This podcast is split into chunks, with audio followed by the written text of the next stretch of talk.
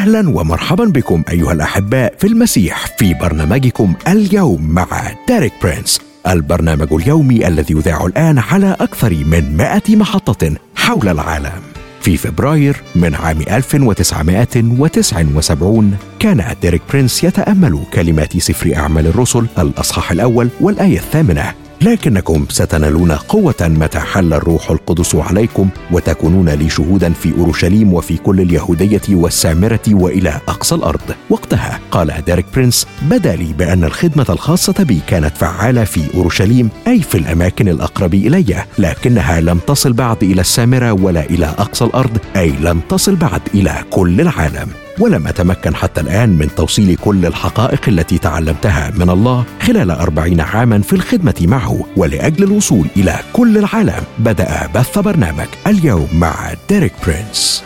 اليوم نقدم لكم هذا البرنامج باللغة العربية. راجين من الله أن يكون سبب خير وبركة لكم ولبيوتكم ولخدمتكم.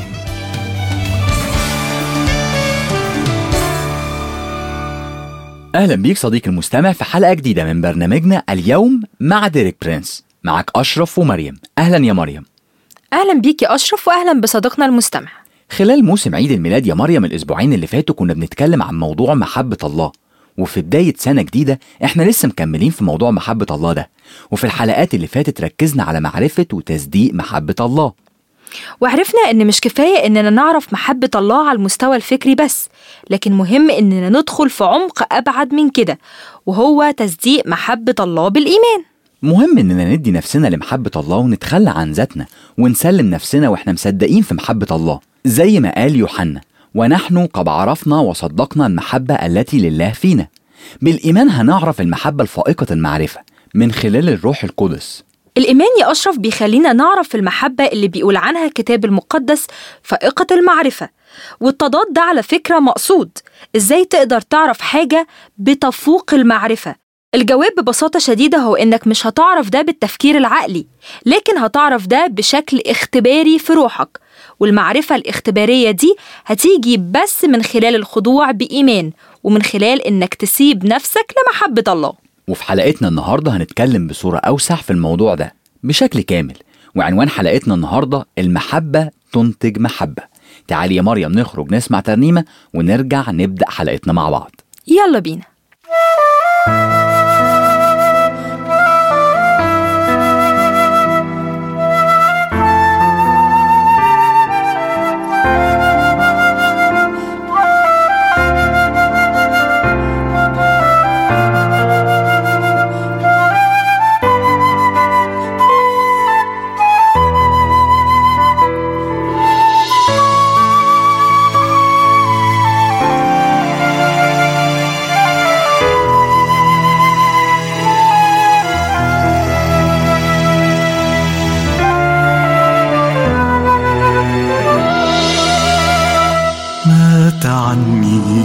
إلهي على الصليب واحتمل كل الخزي والعار الرهيب. لمشيئة الآب خاضعا ولموت الصلب صار طائعا. يا يسوع احتملت الألام من أجلي. يا يسوع دمك سال لكي يطهرني. يا يسوع قد محوت إثمي وحملت ذنبي. يا يسوع يا يسوع يا يسوع. قد ظلمت ولم تفتح فاك. בבקשה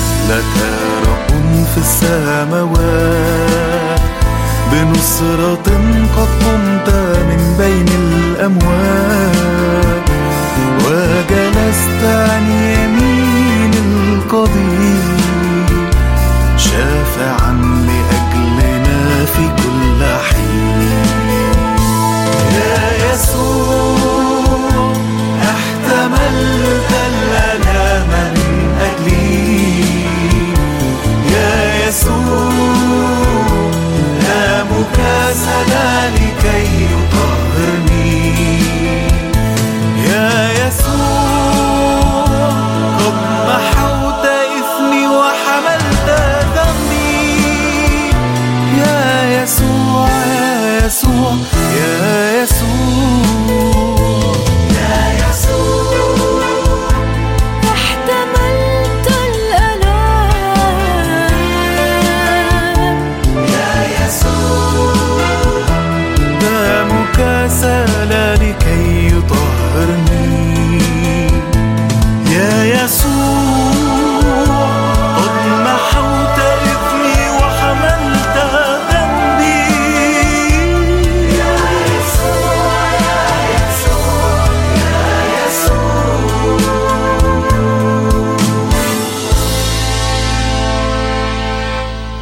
رجعنا مرة تانية بعد الترنيمة وخلينا نبدأ حلقتنا يا مريم اللي بعنوان المحبة تنتج محبة بقراية من رسالة يوحنا الأولى إصحاح أربعة والعدد 19 هنلاقي يوحنا بيقول عبارة بسيطة قوي لكن عميقة جدا. يوحنا قال كده نحن نحبه لأنه هو أحبنا أولا. العبارة دي زيها زي عبارات كتير موجودة في رسالة يوحنا الأولى يا أشرف. عبارة بسيطة جدا لكن عميقة جدا ومش مفهومة بصورة مباشرة. في العبارة دي يا مريم إحنا بنحب الله لأنه أحبنا الأول. يعني محبة الله تطلق محبتنا. يعني لو ما اختبرناش محبة الله مش هنعرف نطلق نفس النوع ده من المحبة في حياتنا. انت عارف إن النقطة دي أثبتتها الاختبارات النفسية والدراسات المجتمعية إن الطفل ما يقدرش يعبر عن المحبة بجد لو ما خدش محبة. هدف الله يا أشرف من النظام الإلهي والاجتماعي هو إن كل طفل يتولد في العالم بالمحبة الدافية من أبوه وأمه ومن خلال محبة والديه يبدأ يعبر عن المحبة دي للي حواليه. طب تعالى كده يا أشرف نسمع من ديريك إيه علاقة الكلام ده بموضوع حلقتنا النهاردة؟ يلا بينا.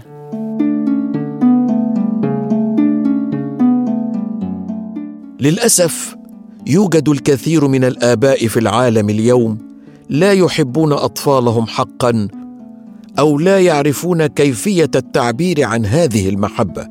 والنتيجة هي أن العديد من الناس يكبرون وهم غير قادرين على التعبير عن المحبة أو إظهارها لأنهم لم يختبروها ابدا. ينطبق هذا على الترتيب الطبيعي للأسرة في العلاقة بين الوالدين وأطفالهم. لكنه ينطبق بنفس المقدار وربما أكثر على العلاقة بين الله والمؤمن فإلى أن نختبر محبة الله بأنفسنا لا يمكننا أن نحب الآخرين فنحن نحب لأن الله أحبنا اولا. وكما ترون في الفصل الرابع من رسالة يوحنا الرسول الأولى يتحدث يوحنا عن نوع من المحبة يأتي فقط من عند الله. وفي حلقة سابقة أوضحت أن الكلمة الخاصة لهذا النوع من المحبة هي اجابي محبة الاجابي وفي رسالة يوحنا الرسول الأولى الأصحاح الرابع والأعداد السابع والثامن يشرح يوحنا هذا ويقول أيها الأحباء لنحب بعضنا بعضا لأن المحبة هي من الله وكل من يحب فقد ولد من الله ويعرف الله ومن لا يحب لم يعرف الله لأن الله محبة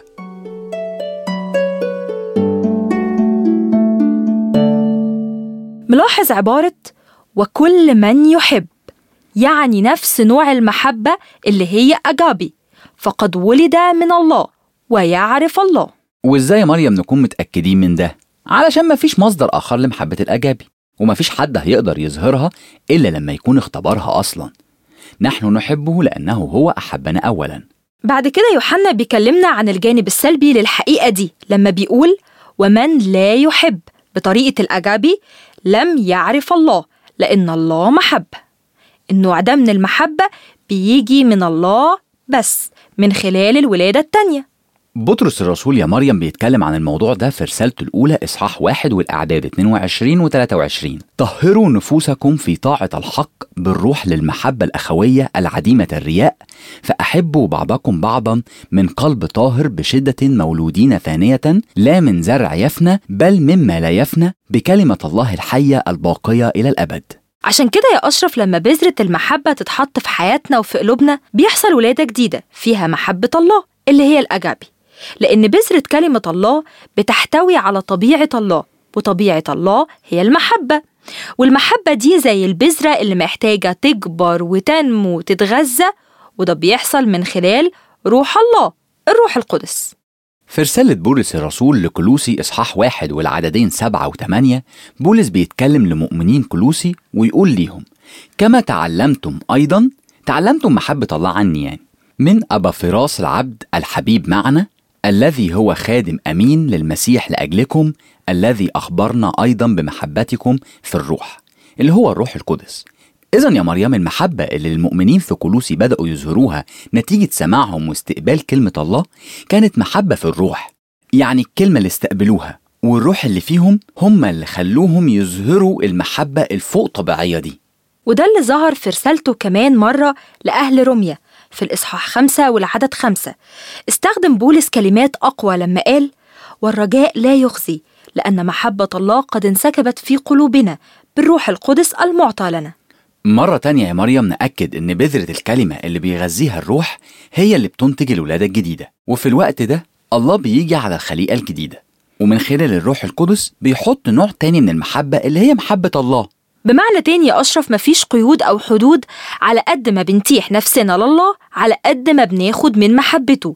لأن الله بيسكب محبته بالتمام والكمال في قلوبنا بالروح القدس. ديريك يا مريم عنده حاجة هيشاركنا بيها قبل نهاية حلقتنا. تعالي نسمعها مع بعض. يلا بينا. بينما كنت أتأمل في الأهمية الكبيرة لإظهارنا لمحبة الله وهي أن نعلن أننا نعرف الله فنحن نستجيب لمحبة الله عن طريق محبتنا. خطرت عبارة على ذهني وأريد أن أشارككم بها قبل أن أنهي حلقة اليوم. تم إنقاذ بعض الناس بواسطة رجل غريب. لقد تم إنقاذهم وتغييرهم فرجعوا عن طريق الخطية لكنهم لم يعرفوا حقا الشخص الذي أنقذهم. ودعونا نتخيل صورة صغيرة لشخص يغرق في النهر. فيأتي شخص غريب ويقفز في النهر ويخرجه وينقذ حياته ويقول له حسنا الآن جفف نفسك أنت آمن. ثم يسير بعيدا. لذلك تم إنقاذ الرجل لكن لم يعرف الشخص الذي أنقذه. أعتقد أن الكثير من المسيحيين مثل ذلك الرجل. لقد أخرجهم يسوع من نهر الخطية والدمار لكنهم لم يعرفوه ابدا. وما الذي يجعلنا نقول إنهم لم يعرفوه؟ الجواب هو لأنهم لا يحبون. فكل من يعرف الله يحب الله. لكن كما ترى أعتقد أن الكثير من المسيحيين الإنجيليين وغيرهم قد تم إنقاذهم بالفعل لكن ما زال منقذهم شخص غريب.